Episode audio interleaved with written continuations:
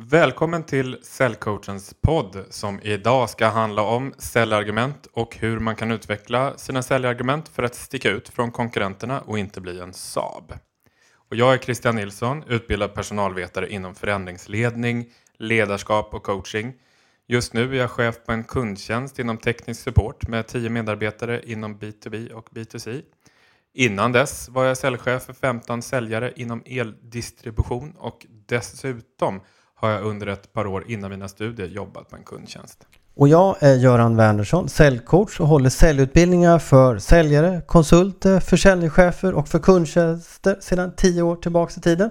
Några av våra kunder är bland annat ABB, E.ON Löfberg och Philips. Och i alla våra utbildningar så pratar vi alltid om hur vi kan utveckla våra deltagares företags säljargument.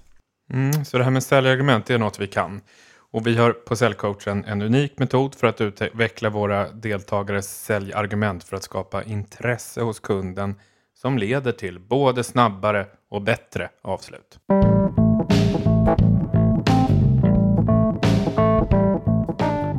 Det här avsnittet handlar alltså om att utveckla befintliga säljargument, skapa nya säljargument och anpassa dem efter kundens kunskapsnivå. Så vem har nytta av att lyssna på det här avsnittet då? Jo, ni som har produkter och tjänster inom konkurrensutsatta branscher, ni som säljer tekniska produkter, ni som säljer alla former av IT-system och ni som säljer för ett företag utan ett känt varumärke. Och det är ganska vanligt att man faktiskt inte alls pratar om säljargument eller att man i alla fall väldigt sällan gör det i alla typer av företag och branscher, eller hur? Ja men det märker vi väldigt tydligt på våra säljkurser och säljutbildningar. För vi frågar ju dem när de kommer och hur mycket pratar de om eh, och, och, vilka har ni och så vidare då. Och då märker vi som sagt var att eh, väldigt lite fokus på dem. Och även säljare som har varit med ett tag eh, pratar faktiskt väldigt sällan internt på företagen om säljargument. Och generellt sett så är det heller ingen större fokus på ja, vare sig veckomötena och, och kanske inte ens i affärs planeringen då. Mm.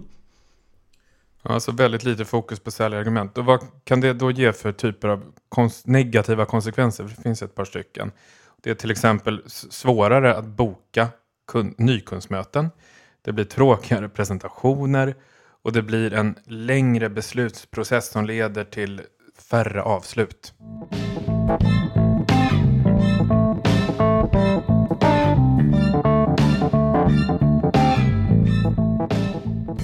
Så det vi kan säga utan att sticka ut hakan är att det verkligen lönar sig att utveckla och anpassa sina säljargument. Eh, Göran, vad kan vi använda våra säljargument till förutom vid en presentation? Vid mötesbokningar är de otroligt eh, användbara. Mm. Och då handlar det om att använda dem för att skapa intresse. Mm. Eh, och vi, även vid invändningar då man bokar nykundsmöten är det också otroligt viktigt. Så att vi kan skapa ännu mer intresse då de kanske redan har sagt nej. Mm. Eh, när vi mejlar prospect som vill ha mer information innan man bokar ett möte är det också viktigt. Mm. Och vad är det som ska få dem att bli intresserade? Jo, säljargumenten. Mm. Och sen såklart när vi gör en säljande offert är det också otroligt viktigt att vi tar med anpassade säljargument efter målgruppen. Mm. Så utan tvekan har vi nytta av våra säljargument i många säljmoment. Ja men det har vi. Vi, vi mm. har otroligt mycket nu. Och jag ska också säga faktiskt att man har dem på webben såklart har vi nytta ja. av dem. Eh, även när vi pratar om invändningar efter en offert och många tycker att det är dyrt så mm. har vi mm. även där invändningar. Och det, det här är ju, jag som just nu driver en kundtjänst, för mig är det väldigt tydligt och det har varit det på tidigare jobb också. Att det som kommer från säljavdelningen sällan liksom kommer vidare som en röd tråd till kundservicen när man ska hantera kunder. Det blir att man kör ett språk på sälj och så ett annat språk på kundservice. Ja, så det är väldigt vanligt. Vad är det för skillnad i språken? Ja, men att man använder helt olika typer av sätt att bemöta eh, invändningar till exempel. Man använder inte samma typ av man har inte de gemensamma säljargumenten. Nej, utan man, även lite olika ja. säljargument också. Det är också en viktig sak så att vi faktiskt använder samma säljargument. Mm. Mm. Finns det några fler? Nej men det, ja det finns säkert många fler där men, men, eh, men ja. det är väl rätt många ändå kan jag tycka. Många rätt... användningsområden faktiskt då. Ja. ja. Vad kan det bero på att det blir så här lite fokus på säljargument? Ja, men det är ju lite märkligt att det är så lite fokus som det är och jag tycker att det är ganska svårt att svara på. Mm. I och med att det finns så många användningsområden på mm. dem. Och, men på något sätt verkar det vara som de flesta tror att produkten och tjänsten talar för sig själv. Genom att man antingen bara tittar på den eller får mm. klämma på den eller vid en införsäljning av ett system eller dataprogram. Att man kör en demo. Mm. Så, så kan det många gånger räcka och att det talar för sig själv. Mm.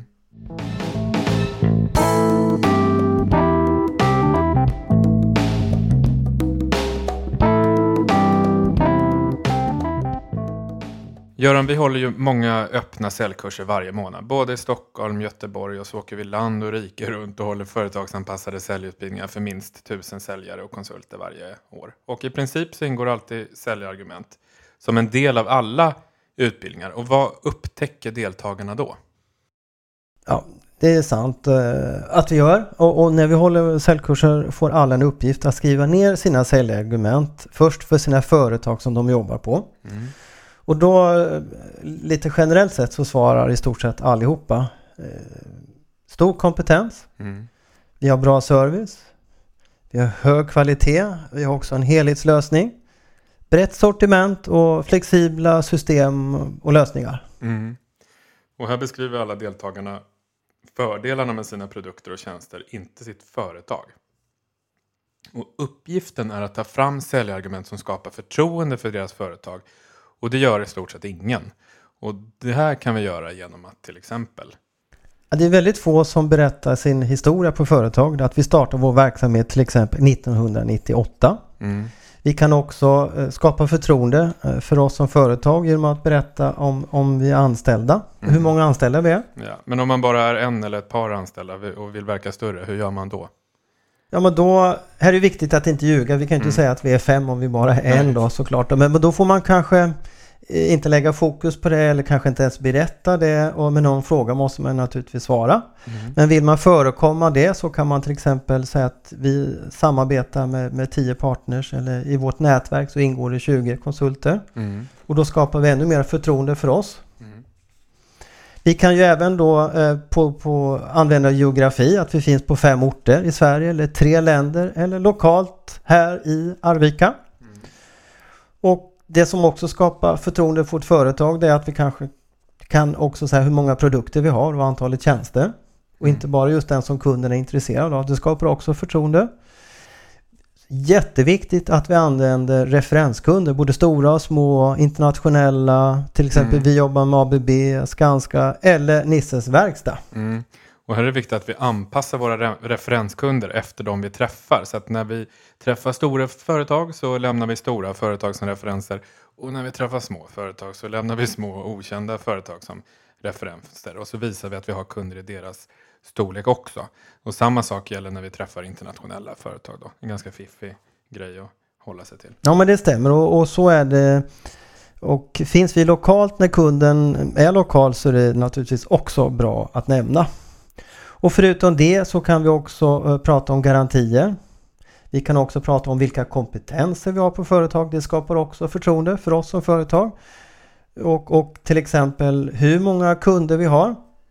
Och, mm. och, och, är det ett system så kan vi prata om hur många användare vi har. Mm. Och då vet vi att ja, det här systemet har funnits i tio år och det finns 10 000 licenstagare. Och det känns också tryggt för oss att mm. veta mm. att det här systemet kommer att finnas kvar om mm. tio år också. Mm. Men det är väldigt få som nämner det. Ja. Men för, för att göra det här ännu tydligare, kan du dra ett konkret exempel på hur det kan låta?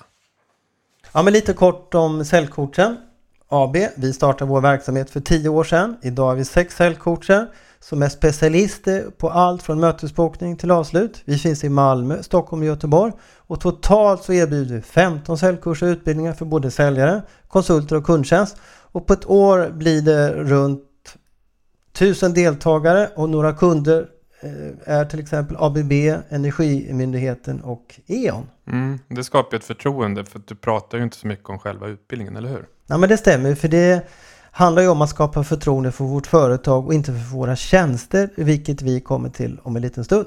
Mm. Och det är också, ska jag säga, nästa del i, i, i utbildningen mm. när det gäller omsäljarargument. Som är då att skriva ner sina säljargument för sina produkter och tjänster. Det är liksom moment två. Mm. Eh, och då brukar det bli, eh, Christian, Ja. lite speciellt då för det är ju svårt för de flesta då för de har ju redan skrivit av sig. Mm. För de, eh, och, men några till brukar det ändå bli då och då handlar det om att ja, spara pengar, vi har kvalitetsprodukter och tjänster, det kan vara längre livstid och så. Men i stort sett är det samma säljargument som förut, alltså stor kompetens, bra service, helhetslösningar, Mm. brett sortiment och så vidare. Då. Ja, och nu ska vi prata om de flesta företag, om att de flesta företag blir en Saab när det gäller säljargument och det lyckas ju på slutet faktiskt inte så himla bra. Nej, det är ju fruktansvärt trist att så det att de försvann ju. Och, och, och, och när vi frågar våra deltagare vilka deras största konkurrent, konkurrenter är till exempel och, och vad deras säljare brukar säga eh, när de gör kundbesök då. Då säger de att ja, men vi har stor kompetens, vi har bra service, vi har en helhetslösning och vi har ett brett sortiment och Mm. vi har våra system är väldigt flexibla. Ja, alltså ingen skillnad då med andra ord. Alla säger samma sak. Ja, Inom samma bransch i stort sett identiska säljargument. Och tittar vi mellan olika branscher används också samma säljargument. Och när det blir uppenbart för deltagarna så blir det ofta en riktig aha-upplevelse. Och kopplingen till Saab är ju att när vi frågar våra deltagare om säljargument för och då börjar vi med att fråga om Volvo Mm. och, och Christian och då svarar till 99,9 procent att Det Volvo är är... det vad det betyder för mig. Ja, Säkerhet och trygghet. ja. Och det är ju rätt häftigt att Volvo, det finns jag tror totalt 100 olika bilmärken. Mm. Och det första worldwide alla tänker på när man tänker på Volvo, det är trygghet och säkerhet. Mm. Och så frågar vi också BMW, vad tänker de flesta på då? Kvalitet och körglädje. Ja, och, och det kommer också eh, som ett brev på posten. Mm. Eh, när man ställer den frågan. Och sen så frågar vi då, även om det var ett tag sen Saab har, har gått i graven. Så frågar vi när det väl begav sig och, ni som, om ni får gissa lite grann här, frågar våra deltagare. Varför trodde ni att de som köpte Saab gjorde det? Mm. Och hälften vet inte ens vad de ska gissa. Och den andra hälften de säger olika argument som svensk, snygg, säker, trygg, billig, tekniskt långt framme. Men det gemensamma är att det inte finns eller fanns ett argument som sätter sig på minnet. Ja, precis, så, så kopplingen är när man som säljare och konsult använder samma säljargument som sina konkurrenter så blir man en Saab. Mm. Ingen kommer ihåg varför man ska köpa ens produkter och tjänster. Ingenting sticker ut. Nej, och för att sticka ut så att kunder kommer ihåg våra produkter och tjänster så kan vi sätta siffror på dem. För då blir det mer konkret och tydligt. Göran, du kan vi ge några bra exempel. Ja men om vi ska spara någonting då är det ju lite tunt att bara säga att ni kommer spara pengar. Mm. Och just nu så håller vi på med en utbildning åt Energimyndigheten. eh, Där de 42 coacher i Sverige ska besöka lite medelstora och små företag. Mm. Och då är deras målsättning att spara 10% i energikostnader. Mm. Och det var det ingen som sa innan vi gick in och satte siffror på dem. Och då blir det otroligt mycket mer tydligt och konkret till de som vi ringer när vi ska bland annat boka möten. Och det här med kvalitet är en sån typisk sak eh, som, som är viktig att sätta siffror på. Och det kan man göra till exempel genom att säga att ah, men livslängden har ökat med två år och, och så vidare. Va? Och just kvalitet, det måste man jobba lite med det här begreppet. Eh, och försöka hitta bra siffror till det. Och det har ju nöjd kundindex, Mm. man har eh, väldigt få returer och så vidare. Så, Mm. så, så kvalitet är en sån sak. Och det här eh, med längre livslängder. Hur kan man sätta en siffra på det? Ja, men att man kanske kan öka dem med två år, tre år och så Mm. vidare. Och sen har vi det här med bra service. Ja, vad, vad, hur sätter man en siffra på det då? För den är ganska svår tycker jag. Ja, man kan säga att vi svarar inom fem signaler. Ja, just det. i och För sig då. Och återkopplar inom en viss tid, 24 timmar till exempel. Mm, Eller så skulle man kunna göra som vi jobbar med målerifirma i Malmö. Att de gör, packar en panikleverans inom 10 minuter. Mm. Kan man ha något kring system och flexibla system och lösningar? Vad, hur kan man sätta en siffra på det? Då skulle man kunna säga att vi har 20% knapptryckningar färre. Man slipper att skriva ut typ 100 papper om dagen till exempel. Mm. Och flexibelt överhuvudtaget, för det är ett sånt där ord man gärna använder. Och jag tror nästan alla säger oavsett Ja. bransch så säger man, vi är väldigt flexibla. Förutom vårt system så är vi flexibla på vår kundtjänst och Mm. support. Och då kan man ju till exempel säga för att göra det tydligt att vi har till exempel vi har 20 standardlösningar. Mm. Under, under det här året som har gått så har vi tagit fram 100 kundanpassade programversioner eller någonting annat liknande. Mm. Och det visar ju verkligen på att för det första så har vi 20 standardlösningar. Det låter ju billigt och bra och säkert. Och dessutom så har vi gjort 100 stycken. Och det visar också väldigt tydligt på eh, att vi är flexibla. Mm, mm. Och ga- ganska konkret också. Eh, och här, om vi ska dra en sista tycker jag, hög kvalitet, standarden. Vad är, hur sätter man siffror på hög kvalitet? Mm, men det är bra att du tar upp den också. Eh, för den säger ju alla företag. Det finns ju ingen som säger att man har dålig kvalitet. Nej. Och här handlar det om att det inte ska bli floskel eller bara luddigt utan kunna försöka verifiera det. Och då kan man ju säga att, att vi har typ 0% returer. Vi har fem garantier som säkrar upp kvaliteten. Och du har en support som svarar dygnet runt och det är 20 personer sitter där. Mm. Eller så har vi en forsknings och utvecklingsavdelning nere i Tyskland. Mm. Där 50 personer jobbar med detta i vår internationella koncern. Som, och deras huvudfokus är att konstant förbättra kvaliteten. Mm. Ja, så vi hoppas nu att vi gav er lite inspiration till hur man kan sätta siffror på de här sälj, sina säljargument då. Använd gärna samma säljargument men sätt siffror på dem så blir de mer konkreta och lätta att komma ihåg. Ni kommer sticka ut från era konkurrenter.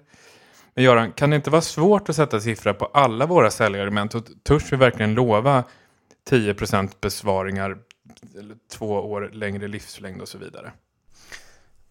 Helt rätt. Och ni ska som säljare och konsulter aldrig lova någonting. Och det är dessutom fruktansvärt svårt att mäta och det är svårt att vara exakt. Och, och oftast är det olika förutsättningar hos kunden. Eh, men däremot om man har en bra kundkontakt med en av några kunder så kan man faktiskt ringa upp och fråga och be kunden själv göra en uppskattning. Vad tror du? Sen mellan tummen och pekfingret, är det 10-20 procent och, och så vidare. Och har man inga gamla kunder att fråga så får man kanske fråga någon gammal säljare som har någon gammal kund som man kan kontakta och fråga. Och sen vid nästa kundmöte så säger man precis som det att det här är jättesvårt att sätta siffror på. Men vår kund till exempel ABB eller Enon och där eh, produktionschefen själv gjorde en bedömning att de sparade mellan 10 och 15 procent. Men det är under deras förutsättningar som var de här då. Så, och då blir det ändå lite tydligare för våra kunder. Mm. Även om det inte är exakt för dem då. Och här är det viktigt att vi är konkreta, det är vi. Och vi lämnar dessutom en referens och vi lovar ingenting. Men det känns avsevärt mycket bättre att få lyssna på det som kund och dessutom så sticker vi ut ifrån våra kunder. Konkurrenter. Ja, konkurrenter, Mm. Precis. Yes. Eh, så ska det vara. Avslutningsvis då sammanfattning av tre tips. Tips 1. Skapa förtroende för ert företag med text hur länge ni funnits och vilka kunder ni har. Nummer 2. Skapa intresse med säljargument genom att sätta siffror på dem. Tips 3. Ta hjälp av era kunder för att sätta siffrorna. Det var allt för oss idag. Tack så mycket för att ni lyssnade. Tack och hej!